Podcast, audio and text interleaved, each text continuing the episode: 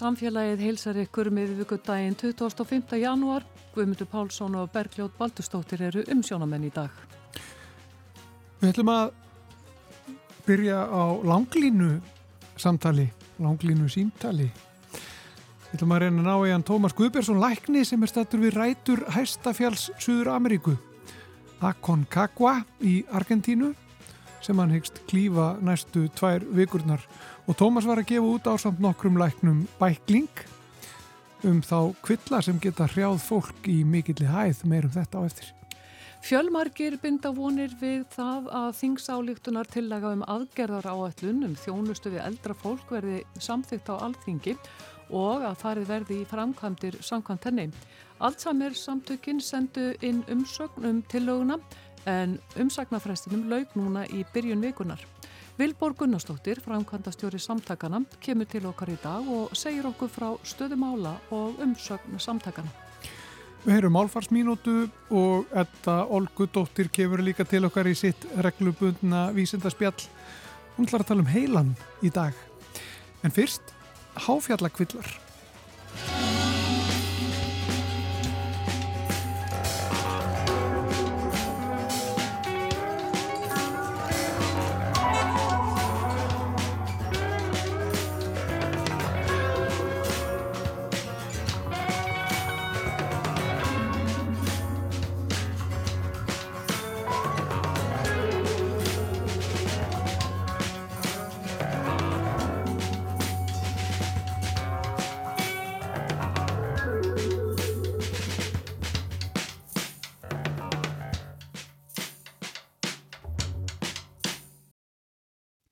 Var að koma út bæklingur eða rít um uh, háfjalla kvilla, heldur sjúkdóma í mikilli hæð yfir sjávarmáli.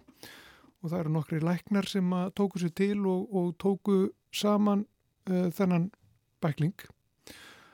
Uh, nokkri læknar sem að stunda fjallamennsku og miklu móð. Og eitt þeirra er Tómas Guðbjörnsson, læknir og profesor mikill fjallamaður og er núna einmitt stattur í, í Argentínu uh, þar sem stendur til að, að fara upp á hæsta fjall Suður Ameríku uh, er það ekki rétt, Tómas? Jú, akkurat, ég stattur hérna í Mendoza í tæmlega 800 metra hæð, það er svona borg sem er þekktust fyrir rauðvínin all sem eru búin til hérna í kring, þetta eru svona sléttur hérna, uh, frjósamt svæði, en, en hérna skamt frá er, er, er svona hrigalegu fjallaklassi með þessu hæsta fjalli Suður Ameríku sem heitir Aconcagua. Og það vantar einhverja 50-60 metru upp að ná 7 km hæð, þannig að þetta er virkilega hátt fjall og, og hérna hæsta fjall utan heimalæga í heiminum. Eitt af þessum svo kallu Seven Summits fjöllum og hérna en er erfitt uh, að því leitur til að bæði út af þunna loftinu en sérstaklega líka veðrinu. Er, þetta er ekkit rosalega langt frá Kyrrahafströndinu hérna Síli er hérna rétt hjá og, það koma hérna miklu vindar og, og óveður þannig að það er vist ekki heilt yfir, ekki nema 30% sem að ná toppnum sko. Og, og hérna þannig að maður þarf nú ekki að svekja sig ef að maður næri ekki alla leiði upp, það er bara þannig, það er meiri líkur að minna að maður ná upp, ná ekki upp. Já. En það er markmiðið einhver síður? Já, já, og ég er hérna í, í svona amerískun leiðangri sem að mér bauðst að fara í með svona virkilega frægum fjallamanni, einu, einu þeirra hafði ég bóðið til Íslands að halda fyrirlastur um K2, Ed Vístors, hann var fyrsti bandaríski fjallgöngumæður sem gekk á öll 14 hæstu fjöll í jarðar án súröfnis og er svona mjög frægur í bandaríkjunum fyrir það og náttúrulega farið á óteljandi fjöll önnur en er svona kannski einhver þóllandi einstaklingur á jörðinni í mikillega hæð, hann hefur aldrei sett fundi fyrir neinum enginum hæðaveiki þannig að okkur fannst spennandi að að fá hann til Íslands og, og segja svolítið frá því hvernig hann undirbýr sig og, og svona hvað, hvaða atgerði það er sem að gera hann svona sterkan í hæð. En svo er annar yngri sem er svona gammal aðdáðan hans sem heitir Gareth Madison sem að er bara út um allt, hann var að koma af Suðupólum þar sem hann var að leiða hérna leiðangur á Vincent fjall sem er hæsta fjallið þar og er búinn að fara yfir 12 sinum á Everest og 3 sinum á K2 hann var fyrstur að fara upp á K2 með kuna sem, sem svona leysumar og, og hérna þannig að þetta er svona maður er svona að fæða smá kvíðan út í maður þó ég er svona ekki kvíðin maður en, en, en þetta er svona en ég, ég held svona að þeir hafa nú líka bóðið mér með uh, hérna að því að ég er læknir og, og hérna það, það er, og hef áhuga á hæðaveiki það, það er mikið á svona vandamálum á svona fjalli uh, tengli og þá er gott að hafa einhvern svona með sem að sem, sem að kannski þetta já En, en við víkjum þá bara eins að því, sko, þið voru að gefa þarna nokkri félagar, nokkri læknar út uh, þennan bækling, þetta rít um háfjalla kvilla eins og það er kallað. Um, það er hansi margt sem getur farið úrskiðið sér það ekki þegar uh, mannfólk fyrir yfir ákveðna hæð. Jú, það er svona talað um 2500 metra hæð, að þar getur orðið vart, uh, við kallum þetta allt saman hæðarveiki, og hún skiptist síðan í svo kallega háfjallaveiki sem er kallu AMS, Acute Mountain Sickness á, sickness á ennsku sem er algengasta formið og, og margir fá þegar þeir fara í 4000 metra hæð. En síðan eru tvö önnur svona lífsættuleg form hæðaveiki sem að heita háfjalla e, lúnabjúr sem að, að þá kemur vöku að lungun og fólk verður mótt og missir algjörlega móðir og er lífsættulegt og svo e, háfjalla heila bjúur sem er sömulegis e, lífsættilegt ástand og það er mikilvægt að þekka þessi enginni þegar þau eru svona yfirvonandi því að þá erum að gera að ná fólki niður eins fljótt og undir og ekki sér talda áfram, ekki vera beita livjum til þess að reyna að komast áfram upp. En, en auðvitað langt flestir sem að fara upp í þessa hæð eru að berjast við svo kallar hæðar aðlögun sem er bara aðlögur hluti af viðbröðum líkamast þegar það kemur upp í hæð. Og þetta er kannski svona algengast til dæmis hjá þeim sem er að labba í grunnbúður Everest eða er að fara á skýði til Colorado í bandaríkjunum, það er mjög margir sem fara þangað á skýði og, og þú lendir í Denver í 1500 metra hæð og, og keirir upp í veil kannski rúmlega 2000 metra hæð og sefur þar. Og þá eru margir sem að finna fyrir hausverk og röðum púls og halda kannski að þeir hafi borðað eitthvað slæma mat um kvöldi eða eða sofið illa þegar rúmið er ekki eins og heima og svo framvegs en yfirleitt er þetta svona hæðar aðlöfum sem að getur breyst yfir í svona væga háfjallaveiki eh, ef að svona fólk passa sig ekki. Því að þú fær svo með liftunum þar til dæmis yfir, yfir, vel yfir 3000 metra hæð og í Alpunum líka stundum. Svo eru margir að ganga á Machu Picchu og og fólk fyrir til Kanada á skýði, það er margi núna Íslandikar að reyna sig við Kilimanjaro sem er tæmlega 6 km hátt fjall. Og, og svo hérna líka í Suður Ameríku eru fjall sem eru spennandi Cotopaxi og svona þannig að þetta er svona kannski svona missjón okkar með þessum bæklingi að á mannamáli útskýra uh, hæðaðalögun og þessu sjútuma mm -hmm þannig að fólk getur notið ferðarina betur og, og svona reynda að fyrirbyggja vandamálinn og það er náttúrulega kannski aðal bóðskapinu bókinu er að fara sér hægt, við erum ekki að hækka sig of mikið og stundum jáfnveil hækka sig en fara svo aftur niður þar sem að á ennsku kalla walk high, sleep low. Og Já. með því að bæta einn svona hæða aðlunadögum inn í prógramið þá nýtur fólk ferðarina mikið betur og líður betur og, og hérna árangurinn batnar, þú veist það eru fleiri sem ná markmiði sínu. En hva, hvaða engin er þetta sem fólk finnur fyrir þegar það er í þessari aðlugun sem er þá Já, ekki, sem er þá ekki það, kannski beinleins hættulegt? Já þetta er svona hæðaðlugunin er bara það að þú, að því að það er minna súrum í andurslóttinu þá fer það andar hraðar og það má eiginlega segja að að skilin á milli hæða aðlugunar og hæðaveiki eru kannski ekkit alveg svart og hvítt, það, það er einhver, ekki einhver einn lína en, en við það andar svona hratt, þá lækkar CO2 í blóðinu og það getur valdið svona hausverk og, og það getur valdið aðeins hraðari púls og jafnvel svona eins og náladóð til fingurna. Fólk sefur ofta aðeins verð og það er jafnvel svona smá engin í maga, ekki alvarleg samt En þetta er eitthvað bara sem yfirleitt líður hjá á einu, tveimu dögum, sérstaklega fólk er ekki að hækka sér meira. Og það er mikilvægt þarna allins að að byrja ekki fyrsta kvöldi eftir langt flug frá Íslandi að fá sér neðan í, þú veist, að taka einhverja bjóra og svona, borga sér bara að sleppa áfengi.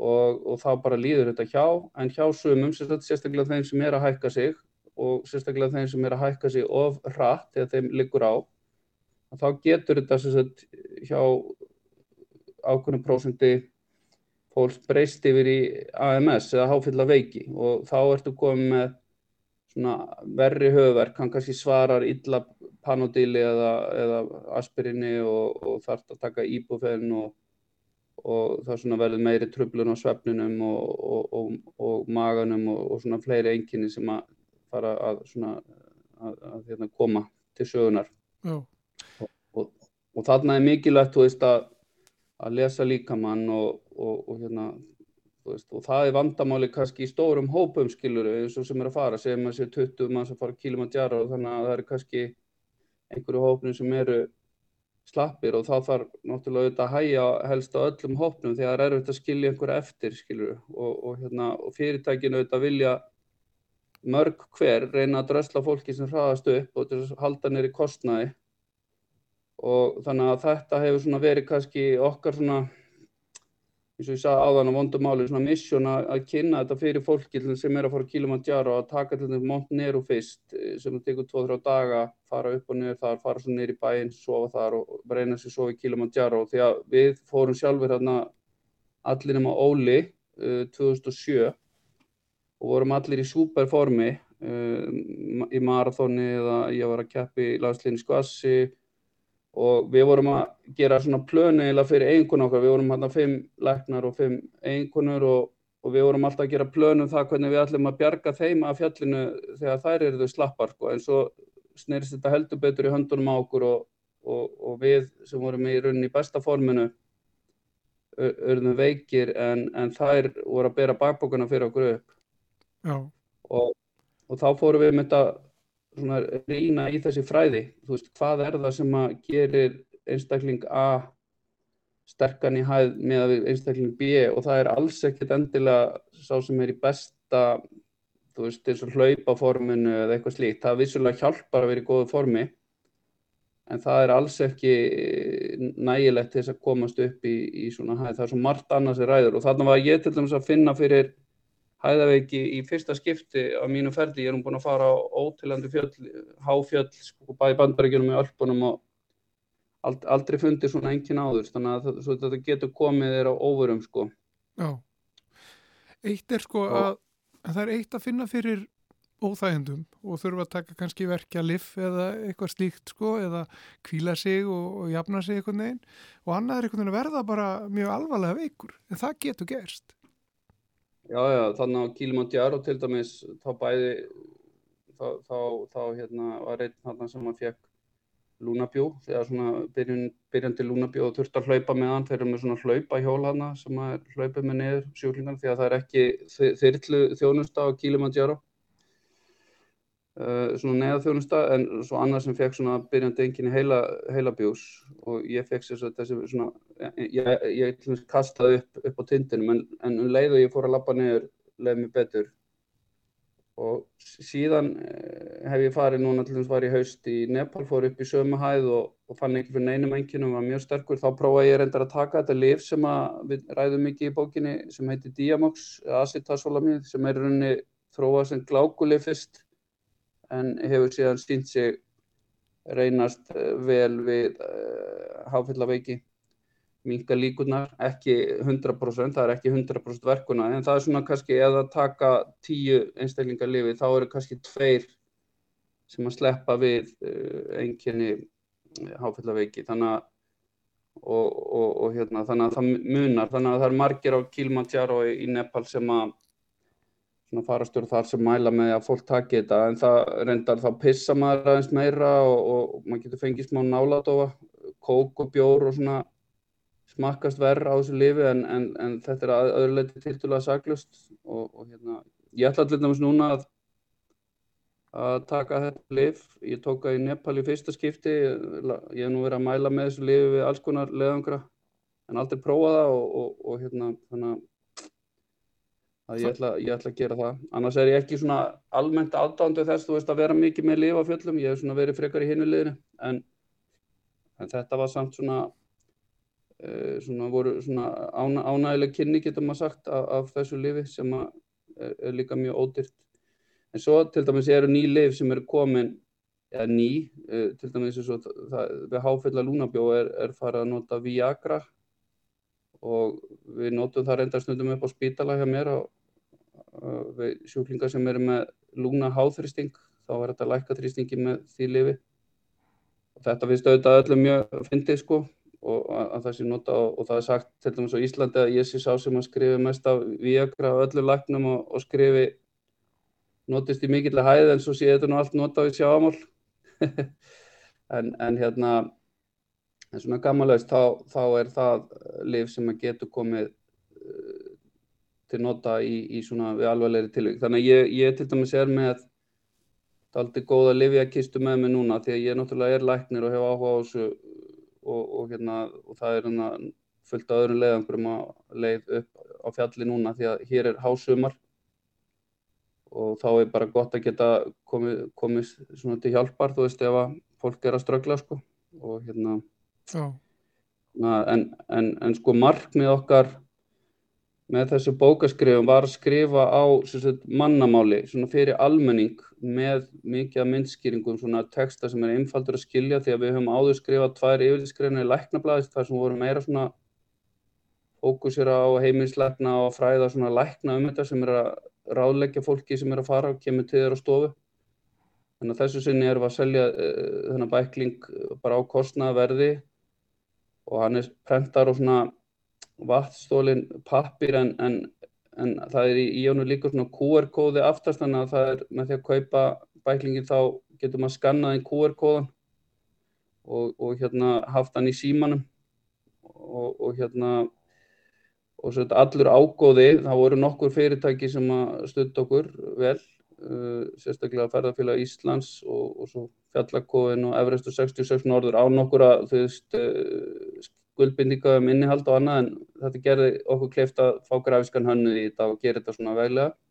Og svo seljum við hann á 1500 krónur í þessum verðstunum hjá ferðarfélaginu og hérna allur ágóði sem drennur til stígagerðar á hálendi Íslands þannig að það er svona gott gott málefni. Já, einmitt. Eh, hvenar, hvenar leggir þið í hann núna? Eh, Við erum bara fara núna eftir, eftir hérna, klukkutíma. Það er eitt sem að tafði staðins því að farangurinnars kom ekki kom ekki fram. En, en hérna, svo erum við bara fara í, í hérna, byrjum gönguna núna bara eftir hátegi, við erum að keira þrjá tíma upp í fjöllin Já. Og hérna, við þurfum sér það er að nota astna sem að bera svona hlutabyrðunum upp í grunnbúðir en svo erum við að bera allt sjálfur sko upp og niður fjallið til að hæða aðláð okkur þetta er leiðangur sem tekur um að tvær vikur og, og við sagt, þurfum að bera. Það, það er engir sérpar hérna sko í, í, hérna, í Argentínu sko. Það, og það munar um. Í, í Nepal er þetta ótrúlega styrkur af þessum sérpum sem að náttúrulega sjá svo mikið um svona fluttninga á, á farangri og annað og leta undir en, en mm. hér þarf maður að, að puða meira sjálfur en það er bara gaman líka. Og þeir þjárst ekki af hæðaviki? Sérparni gera, gera það ekki. Ég er með hérna súröfismæli og annað. Ég var nú hann í Nepal í haust og þeir voru oft bara með sömu mettun og ég sérparnir og ég var stundum með með læri púls en þeir en, en þeir hérna fundu akkurat ekki fyrir neinu sko, bara hlaupaðan um, þannig að þetta er flókið ferli. En mm. það er mjög spennandi rannsóknir sem hafa verið gerðar ekki síst á síðust árum sem sína bara það að sérpanir og fólk til dæmis kynverjar sem að búa í Tíbet og eru ekki tíbetar, ekki innfættir þeim, þeim farnast miklu verð konur í Tíbet sem eru aðflutt flestir kynverjar þær fæða minni börn og lendir meira vesin í þessari miklu hæð sem þar er. En, en, en sérpatir og tíbetarnir þeir eru með gen sem að hjálpa þeim í tunnaloftinu og gera þá svona óbúslega sterka í hæð. Þannig að eins og í, í Nepal þá eru þeir stundum börðamenninir að bera 100 kíló á bakinu. Uh, og maður, bara, maður trúur þess ekki þegar maður sér þetta en, en þeir fá borgarskilur per kíló sko og, og þessir ungu svona, þetta er náttúrulega ekki holdt fyrir líkamanna en, en, en þetta eru þetta eru svo óbáslega sterkir einstaklingar í hæð. Og, þannig, og þetta er spennandi fyrir mig sem hjartaskulegni að, að, að hérna þegar ég er auðvitað í minni vinnu ofta fást við sko súrefni skort hjá sjúklingum bæði eftir aðgerið að slis þú veist það sem við þurfum að setja sjúklinga á svona ekkmodælu uh, sem er svona hjart og lúnavel sem við getum kert í nokkra vikur og það er alveg staðrænt að sömur sjúklingar þóla súrefni skort verri en aðrir. Það er kannski ungur einstaklingur sem að stendur sér verð heldur en einhver eldri en ætti samkvæmt svona bókin einhvern veginn finnst manni að standa sér betur. En hann er kannski með einhver enzím eða gen sem er ekki að hjálpa honum í súrumniskortunum skilur og þarna geta rannsóknir á hæðaveiki og háfélaveiki hjálpað okkur líka í að skilja eh, súrumniskort í vinnunni við sjáamál eins og í Reykjavík og, og hérna, þetta er rosalega spennandi fælt fyrst mér. Já. Tómas Guðbjörnsson, ég ætla að fara að leipa þér uh, af stað. Þú átt stefnumót við hátt fjall, fjallið Aconcagua Eh, hæstafjall Suður Ameríku sem að eh, þið ætlið að að ganga á núna næstu tvær vikunar við segjum bara gangi ykkur allt í hæginn Já, takk fyrir það það er, það er hérna tæmlega 40 steg hitti hérna úti núna í Mendoza en, en það er stundum alveg upp í mínus 30 upp á toppnum þannig að þetta býstna, býstna mikil viðbreið hérna Já, og með kóluna hratt þegar þið færið ykkur ofar Já, það gerir það sko. Þetta er spennandi. Já. Takk fyrir þetta Tómas og uh, takk fyrir að spjalla við okkur og segja okkur frá líka þessum, þessum bæklingi sem þið voru að gefa út nokkris, nokkri læknar um uh, háfjalla kvilla eins og það er kallað. Já, endilega og við erum líka þetta að tala um sko söfleysi og, og svona magavissin og svona þannig að þetta er bara um að gera fyrir alla sem er að fara á skýði í mikla æði eða, eða, eða í ganguferðir og, og gefa útvist að fólki þetta og styrkja um leið vendun náttúru Íslands með því að útbúa betri göngusti og svona, þannig að ég held að málefnin sé gott en það er bara gaman að fá að tala við þig. Takk fyrir þetta. Já, bless Another night I ain't got nobody. I got some I just got paid. Now how I wish I had someone to talk to. I'm in an awful way. This. I got in town a month ago. I seen a lot of girls then. If I could meet them, I could get them. But as yet I haven't met them. That's why I'm in the shape I'm in. Here another sad night, and I ain't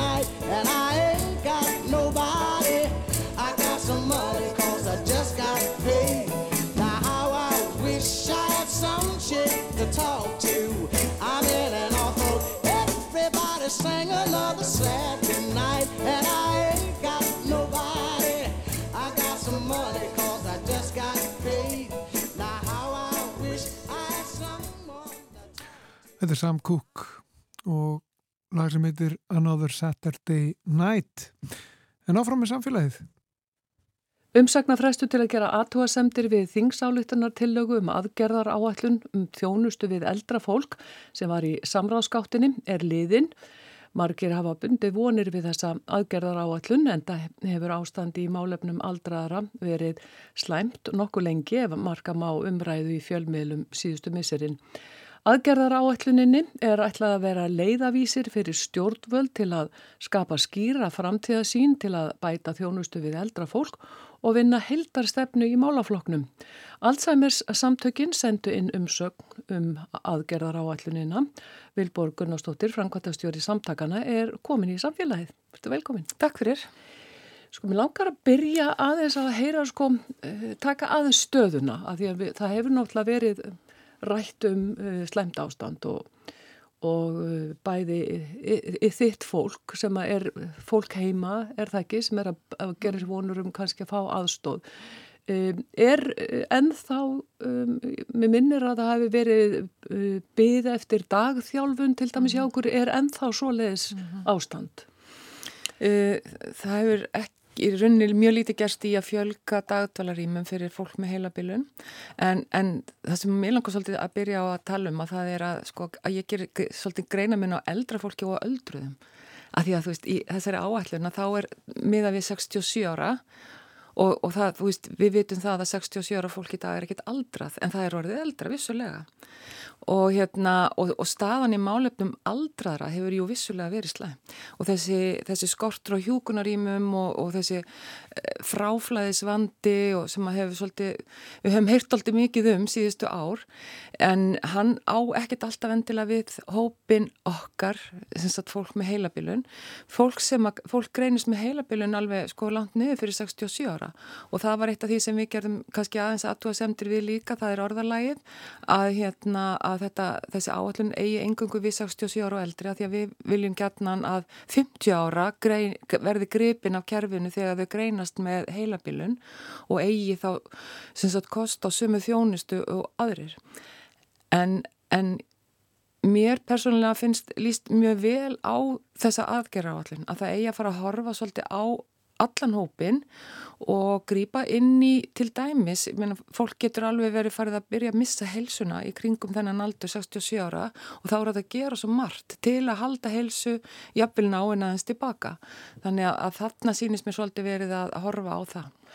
En þegar þú segir þetta að uh, þarna er fólk sem þarf eh, aðstóð og það er flokkast ekki undir að vera aldraðir eða mm Eh, er þá kannski þessi hugsun bara ekki rétt að það eigi að vera að setja eitthvað sérstakar reglur eða lögum fólk sem er komið á einhvern nákvæðin mm. aldur?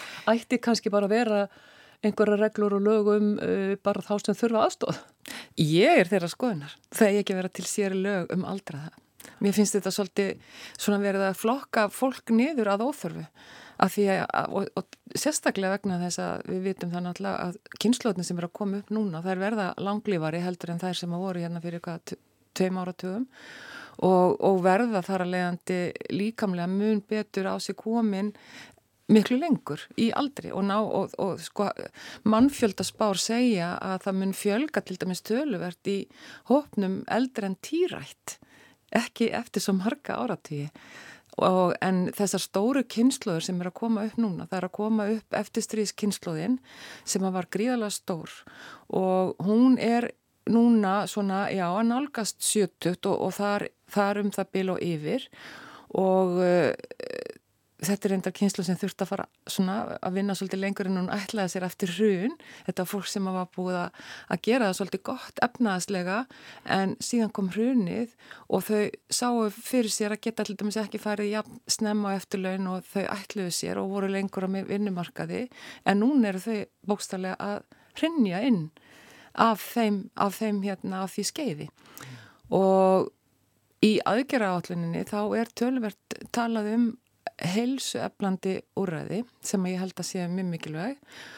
Og ef við förum aftur að mínum hópi, einstaklingum með heilabilun og fólk sem greinist með heilabilun að þá til dæmis var á þessu að síðasta ári opnu, sem sagt opna nýtt úræði sem heiti Seglan sem er fyrir fólk sem er nýgreint og er stutt gengi með sinn sjúdóm og er þá næsta steg á undan sérhæðri dagþjálun og ég held að það hljóta vera að það úrræði hafi svolítið minga pressuna á þörfin eftir sérhæði úrræðum að því að þarna er fólki sem er á stíin og undan. Við finnum að við erum að senka því hjá þeim okkar hópi sem að, þarf, að, að þeir þurfa að fara í þetta sérhæða úrræði þannig að úrræði okkar er sannanlega að senka dýrari úrræðum. Þarna segir þú þess að það sé alveg vísbendingum að um leið og er bara farið að nálgast að gera eitthvað og þá, þá, þá skilar það árangri. Við finnum það svo áþreifanlega þarna í seglunni. Og bara ég get ekki dæmi um það að þegar fólk greinist með heilabilina sjúkdóma þá, þá hefða tilneingu til að draga sér svolítið út, draga sér svolítið í hlið svona félagslega, það mætir ekki í klúpana sína, það fer ekki á mannamót og, og jáfnvel hættir af, af fyrrabræði af sjálfstáðum að vinna. Og, og ég held ástæðan sér svolítið því svo að það óttast að þurfa að skamma sín fyrir ef það kemur í ljós að þau muni ekki eitthvað eða, eða fa, fa, sagt, fatist eitthvað. En við finnum að þetta sagt, þetta úræði það eflir þetta sjálfströst. Þannig að kemur innan um allan fólk og þú finnur það alveg að þú getur haldið upp í samræðum. Þú ert alveg, getur gert bara allt, allt mögulegt. Og við finnum alveg hvað það eflir fólk að finna það. Það er svo stutt síðan að uh, bara uh, fréttir voru af allskynns ástandi og bygglistum og fólk sem er örvandingafullt heima hjá sér, aðstandendur alveg að gefast upp og allt svona. E, hefur þessi staða breyst eitthvað? Nei, því miður. Þetta er enþá mjög stór hópur og það, þá ertu komin í að tala um fólki sem er sko býr heima en er orðið það veikt að það getur ekki bjarga sér, getur ekki verið eitt heima. Það er hópurinn okkar sem er í sérhafðu dagþjálfanunum og þau svo staða er mjög erfið. Og þarna vantar sárarlega úrræði sem að er reyndar getið um í aðgerraáalluninni eins og meiri sveiju í opnunatíma sérhæðra dagþjólana, meiri sveiju í að veita, að þau kalla þetta stutt innlagnir, þetta heita í dag skamtíma innlagnir, en, en, en í dag þá getur ekki komist í skamtíma innlagnir, maður kannski í tvær vikur að lámark í einu, það verða að líða fjóri mánuður á milli, þannig að þú veist, fyrirkomulagið er svolítið út frá þörfum stopnanana, en ekki þeirra sem er að fara að nota þessar innlagnir og við til dæmis fáum mjög oft inn á bort til okkar eh, örfandingafulla aðstandendur sem að það kannski kemur eitthvað upp í fjölskyldin, það getur komið bara fótbrott hjá maka, hann þarf að fara á spítala og þá, þá hvað á það að gera við hinve, hinveika einstaklingin mm. þú veist það er engin úrræði sem grýpa hann svona rætt eða bara reynlega að ef að fjölskyldan vil bregða sér að bæ komast í, til útlanda yfir helgi að, að geta þá kannski með frekar stuttum fyrirvara óskað eftir hérna inn, skam, skamtíma innlögn fyrir sinn einstakling og, og við fáum alveg grátandi fólk til okkar út af þessu. Og þetta er ekkit að, að breytast? Ég er ekki að sjá þetta en þá breytast en það, það er, þess er getið í áallinu en þetta er náttúrulega eitthvað sem að mun kosta fjármagn. Sko, það sem að uh, ég rendur nú yfir þessa aðgerra áallinu mm. og, og við getum auðvitað ekki farið í hana í svona neinu smáadur, við heldum bara tölum um hvað þetta snýrar ykkur. Mm. En mér finnst eins og sko bara fýllin í herberginu sé sá að það er ekki minnst á peninga þarna mm. og í, í, í ljósi þess að uh, það er, ég held að sé nokkur, nokkur negin upp á borðinu að það er vitað að, að það vantar hjúkurinn að heimli, það vantar mm. allskyns þjónustu, bygglistar er langir allstaðar að mm. það blasir svo sem við að það þarf að setja fjármagn í þetta. Mm -hmm. Er þetta eitthvað sem kom þér ávart eða hvernig snýr þetta við mm. þér? Nei, nei, auðvitað kemur það manni ekki á óvart þegar maður er komin hérna á þennan aldur og er Íslandingur að það sé ekki nægt fjármagn í helbriðiskerfinu það, er, það, það þarf ekki að koma neitt óvart. En í, ég trúi því nú að, að menn séu ekki að setja fram svona áallun og setja það í þingsáletun til dæmis að það, það er talað um að setja í gang einhver fjögur, fimm tilrönaverkefni og það í rauninni er tímasett í ár.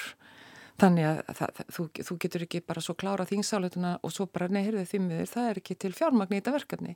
En ég, ég er náttúrulega ekki, það er ekkert mjög auðvilt fyrir manneski eins og mig, svona leikmann að skoða fjárlagafröfarpi til dæmis, ég get ekki ekki lesið vel í það af því að það er ekki mjög tíundaverkefni þar en, en ég trúi því nú að það verði þetta farið þannig í gang. Það, það, þessi verkefni að fara í gang og þau eiga að vera unnin á svona næstu 3-5 árum og í framtíðin á að byggja á þeirri reynslu varðandi fyrirkomulega og skipilag og ég held nefnilega að að það sé að þetta gera rosalega margt með því að bara með betri stjórnun og betri skiplagi og betri nýtingu fjármuna, betra nýtingu húsnæðis.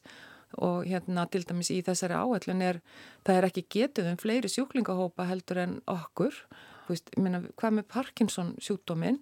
Þetta, hann herjar á nákvæmlega sama hóp þannig laga, það er aldur er náttúrulega uh, sagt, það aukast líkur að greiningu með aldri En, en sáhópur til dæmis gæti alveg nota svipaða þjónustu og við varðandi virkni, við líkamlega og, og félagslega og annað og ég held að það sé viða um land til húsnæði sem er notað undir einhvers konar dagdvalir sem að hægt vera að nýta betur og nýta starfsfólk betur með bara markvisari stjórnun. Ég hef hyrt fólk að binda vonir við þessa aðgerðar á allun og að að það er núna að gera eitthvað en mm.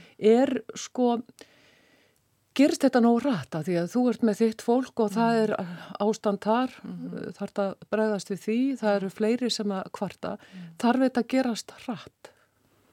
Já, það, þú sér það að, að hérna, núna í dag er talið að það séu um það byrj 6.000 íslendingar með heilabilun, þeim mun fjölga um helming á næstu hvað 25 árum og það er, það er ekki engin vísbending um það í kjörfinu að, að samfélagið eða yfirveld sé að undirbúa sig undir hennan tíma þessa gríðarlega fjölgun til dæmis bara í þessum sjúklingahópi og uh,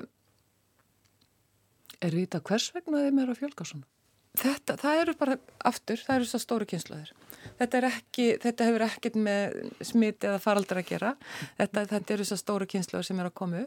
En vissulega á sama tíma þá berast í ákvæða fréttir að livjamálum til dæmis og, og rannsóknum í blóði og og það var hún bara á læknadögum í síðustu viku að þá að vera að fjalla um þetta og, og það nýjasta sem er að gerast. Og, og það, þar kom meðal annars fram að svíjar telja sér vera búin að finna leið til að gera, geta greint í einum blóðtrópa hvort að þú ert líkleg til að þróa með þessa sjótuma og ef að það vera þá er það náttúrulega mikil bylting af því að, að svo eru líka ekki bara þetta eina dýra liv sem við höfum haft fréttir af sem er að koma heldur eru fleiri fyrirtæki komin langt og og þar á meðal fyrirtæki sem er komið með pillu sem að vera náttúrulega miklu ódýrar heldur en þetta, þetta líftænilif.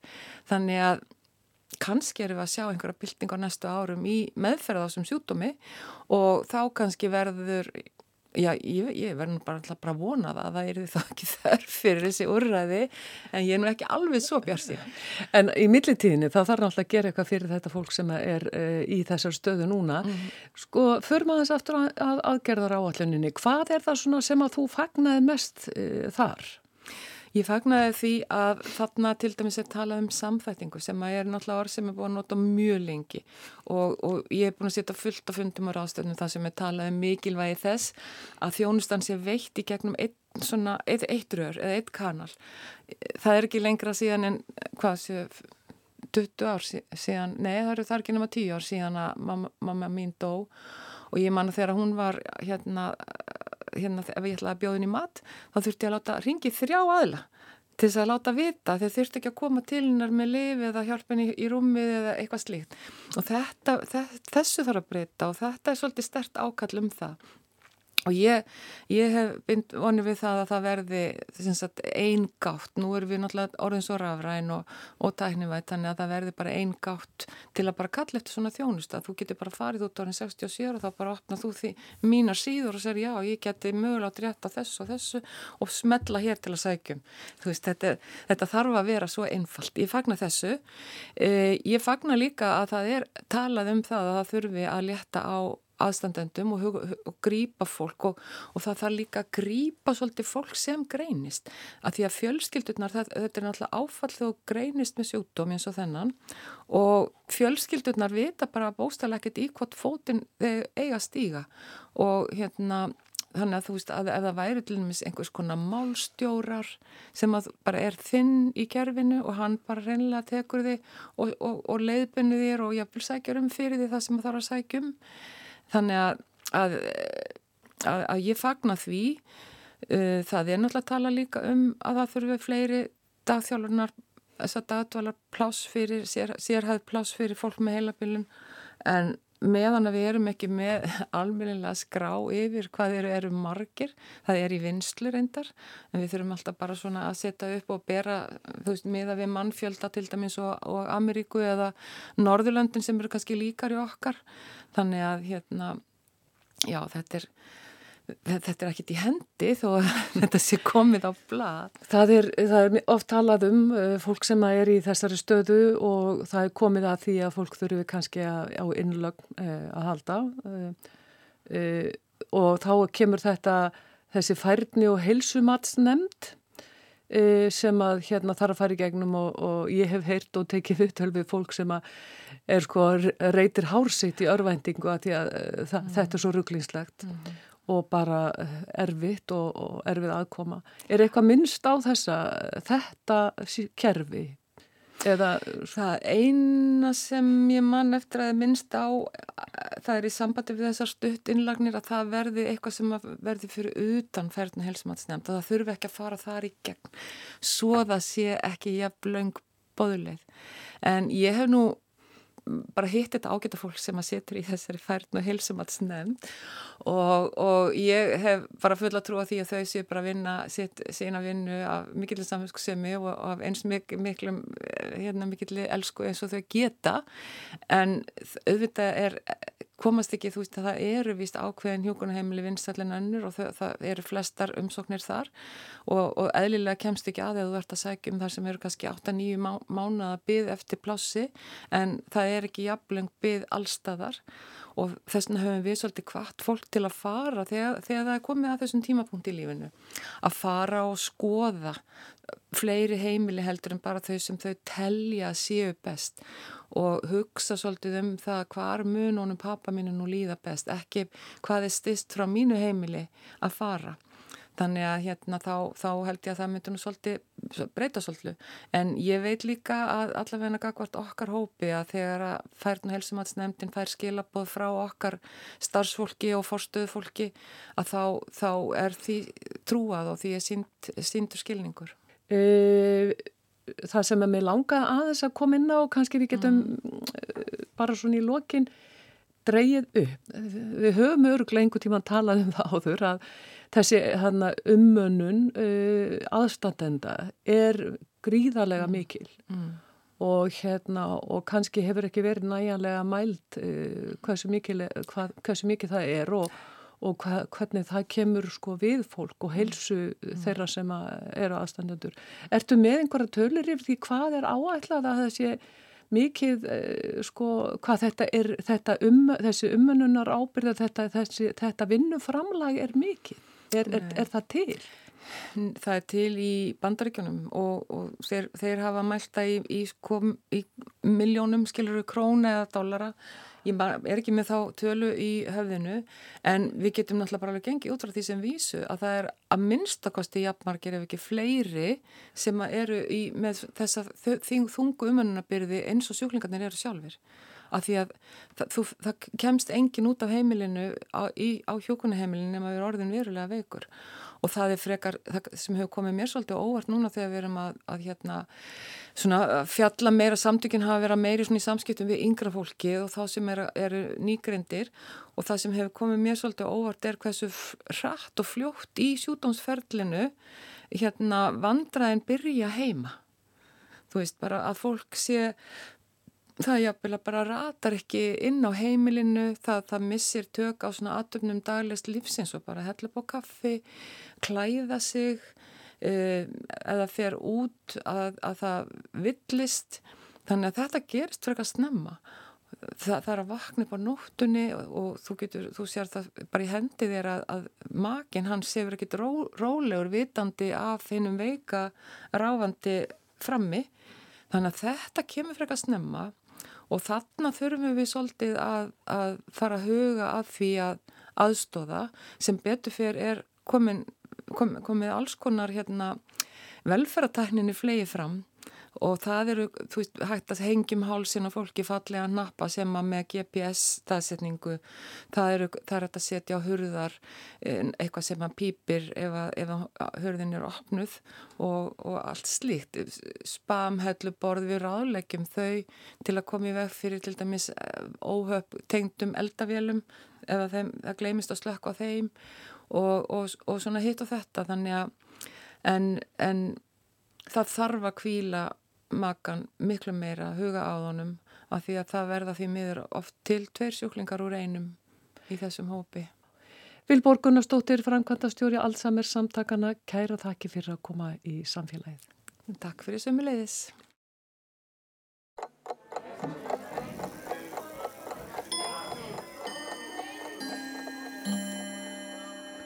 Þótt breska lífræðingnum Richard Dawkins hafi verið eignað orðið mým varð fyrirbærið sem það næri yfir ekki til um leið og orðið. Dawkins var einfallega búið til hugtak til að lýsa menningarþróun. Sem slíkt nær hugtakið yfir miklu stærra svið en bara myndir á netinu. Ímsar tilraunir hafi verið gerðar til að íslenska hugtakið mým. Enskiri táturinn á því er stundum borin fram me-me á ensku sem er hljóðlíking fyrir kindajarm en það hafa mým stundum líka verið kölluð jarm á íslensku. Jafnframt hefur verið stungið upp á að kalla það farandbrandara. Vandamáli við þessar tilraunir til íslenskunar er að mým eru alls ekki alltaf fyndin og með grínheitum á borðið meme og jarm þykir verið að dreyið úr möguleikum á að nota þau í fræðilegri umfjöllun um menningarþróun.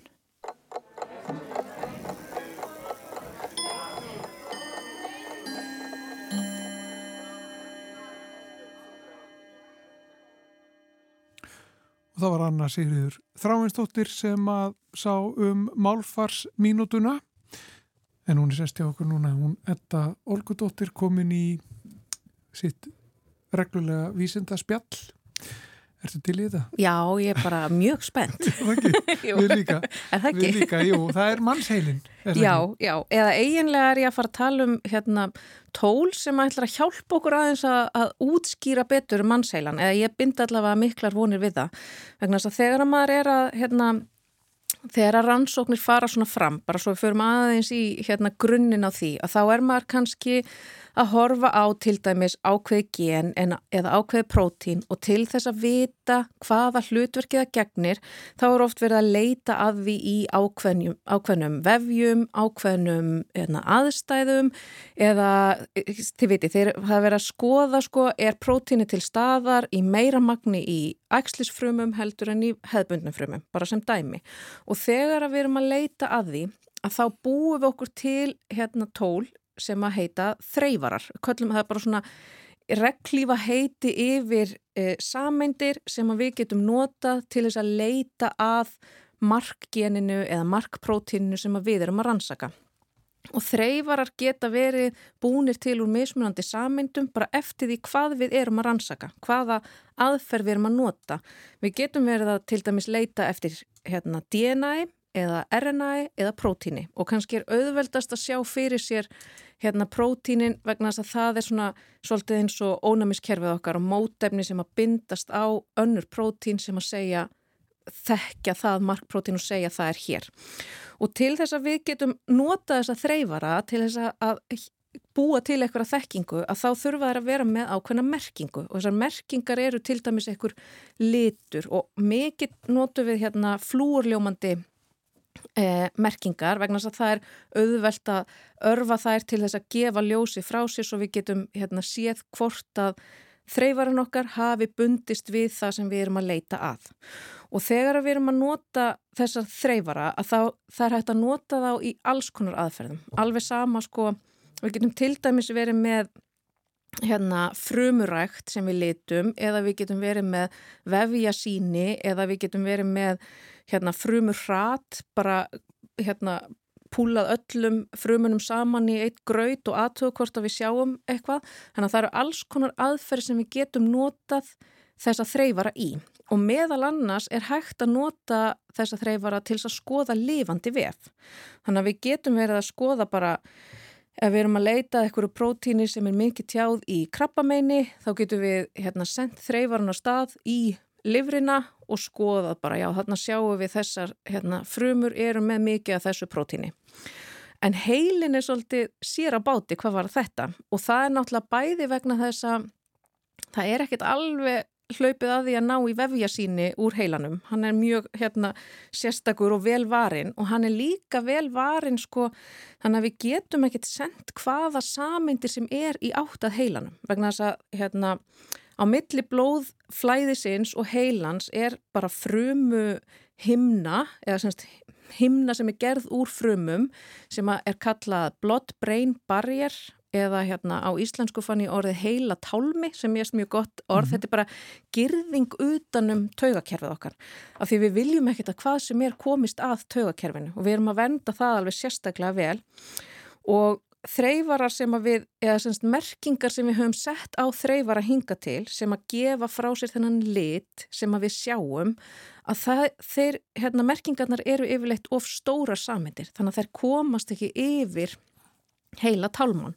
Þannig að við eigum líka mjög erfitt með að gera svona samindalífræðilega rannsóknir á lifandi heilavef. Við getum skoða heilavefin sko í svona, hérna, það er þetta að sjá hvar er virkni og eitthvað svo leiðis, en við getum, við hefum erfitt með að, að lita prótínin og sjá, hér er verið að tjá mikið af þessu prótíni og hér er verið að tjá mikið af þessu prótíni. Um, nú var semst verið að byrta rannsók bara rétt fyrir áramótin sem er unnin í hérna, University of Stanford og öðrum háskóla í bandarækjunum í Texas sem ég bara man ekki hvað heitir Jú, University of Rice Rice University og hérna þau voru semst að hanna svona merkingu, svona lit, flúrljómandi lit sem er næjanlega lítill til þess að komast yfir heila talman og þau prófuðu þetta í músum og skoðuðu þar, þá var semst hérna uh, þreyfara með þessa merkingu spröytað í mús og þau skáttu séð sko í músaheilanum, þá gáttu þau lita sérstaklega fyrir hérna prótíni sem er mikið tjáð í ægslum, krabbameinsægslum og gáttu séð hvaða vefur í heilanum var krabbameinsægslið sem var til staðar í músaheilanum. Þannig að þannig erum við komin með allt í einu tól til þess að skoða tjáningu á hérna genum og prótínum í heilanum á lifandi einstakling. Í staðin fyrir að þurfa að hérna í raun og veru sapna síni úr, úr hérna látnum einstaklingum.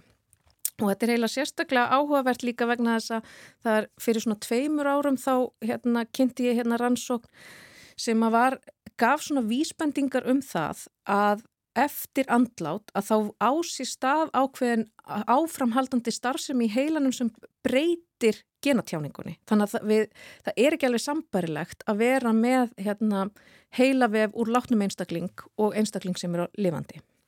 Þannig að þá erum við alltaf inn í komin hann með tól sem að getur hjálpað okkur í þessu. Verður þetta tekið í notkun fljótlega eða hversu langt er þetta komið? Sko núna er þetta er náttúrulega bara fyrsta rannsóknin sem að sínir að þessi lítur er til og ég myndi svona gefa mér það auðvitað eða eftir að fá sér enga leifa á þetta og svona og græða smá pening en ég hugsa að þetta sé eitthvað sem við erum að fara að horfa að verði nota mikið núna á næstu, hérna, næstu árum og þá er ég náttúrulega líka sko við erum ekki búin að prófa þetta í mönnum Þetta, þessi rannsókn hún fór fram í músum og það er náttúrulega fyrst og fremst þar sem við munum kannski byrja að nota þetta en það væri mjög áhugavert að, að sjá hvort að það sé okkur sé óhægt að nota þetta í mönnum líka. Hvað hefur verið notað sko fyrst að þetta hefur ekki verið hægt? Mm -hmm. Hvað hefur verið þá notað? Er það alveg myndatökur og skannar? Og... Já, þá í raun og veru getur bara ekki gert þessa samindalífræðilegu rannsókn á lifandi heilavef. Þannig að hinga til höfu við bara þurft að vera að sko beiteila öðrum aðferðum. Til dæmis að hérna, nota heilavefin eftir andlátt einstaklingsins og það er oft gert sko í hérna, músatilraunum og svona. Þá er gerð einhver tilraun og svo er bara vef, hérna, vefjunum sínunum er sapnað eftir að hérna, mísnar hafa verið aflífaðar sko. Þannig að það er kannski tólinn sem við höfum verið að nota og þá eru við frekar bara að skoða einmitt vefja síni frekar en lifandi vef. En þarna getur við allt í einu, úst, við erum bara komin með hérna, aðferð til þess að skoða lifandi vef á samindalífræðilegu stigi sem við höfum ekki haft áður. Þannig að þetta gæti breytt ímsu? Algjörlega, ég held það. Þannig að mér finnst þetta bara algjörlega að vera tímamóta rannsókn sko. Já. Aðeins meira um þess að þreyfara og hvað mm -hmm. leið þeir fara sko? Hvernig, hvernig virkar þetta? Já, það fer náttúrulega bara pínulítið eftir því hvaða, hvers konar þreyfara þú ert með. Vegna þess að þreyfari er bara reglífa heiti yfir ótrúlega margar samindir og ef þú ert til dæmis með þetta í, ef þú ert að hugsa um í lifandi vef, að þá getur þú spröytað bara mótefninu í hérna, ég, ég mynda mér að þú myndir bara spröytað í æð, nálagt lífærinu sem þú ert að fara að sem er þú ert að fara að skoða og þá bindast þreyfararnir þar við. Sko í langt flestum tilfellum að þá eru við að nota svona þreyfara í hérna rannsóknum sem fara fram í sko in vitro heitir það. Það mm -hmm. þýr að þá ertu ekki með þetta í lifandi mannesku heldur ertu bara að gera þetta á rannsóknarstofu og þá þetta, þá getur við verið að, að hérna nota þá á í raun og veru bara allt Þú getur verið með bara einangra DNA og þú ert að skoða hvort að ákveðin stökkbreyting eigi sér stað í þessu hérna síni og þú getur verið með þreyfara sem er algjörlega sértækur fyrir þessa stökkbreytingu og þreyfar bara fyrir því og sérð, já, þegar ég meðhandla erðaefni svona, þá fæ ég þessa stökkbreytingu. Þannig að það, þetta, ég er náttúrulega að reyna að lýsa hérna sko eiginlega bara öllum sameindalífræðilegum aðferðum í, á tíu mínútum mm -hmm. Þreyfari er, sagt, er það þá einhvers konar líftekni líf eða eitthvað er, efni? Já, það er, sko, þreyfari er bara það getur nefnilega átt við um svo ótrúlega margar sameindir. Það getur átt við um DNA og RNA og prótín og það sem við notum til þess að leita að okkar um, áhuga, að það sem við höfum áhuga á að rannsaka. Þannig að það fer allt eftir því hvaða aðferð þú ert að nota úr hverju þreyfarinn er gerður? Þetta, ég er náttúrulega skilji eftir bara hérna alveg risastóra spurningu. Við kannski bara tökum þreyfarinn að sérstaklega fyrir Já, gerum það. Þetta Olgadóttir, gafan að fá því heimsókn og, og eins og alltaf, takk hjálpa fyrir komuna. Takk fyrir mig. Lengra komumstu ekki í dag með samfélagið? Guðmundur Pálsson, Bergljótt Baldurstóttir, takka fyrir sig. Við heyrumst á morgun, verðið sæl. Verðið sæl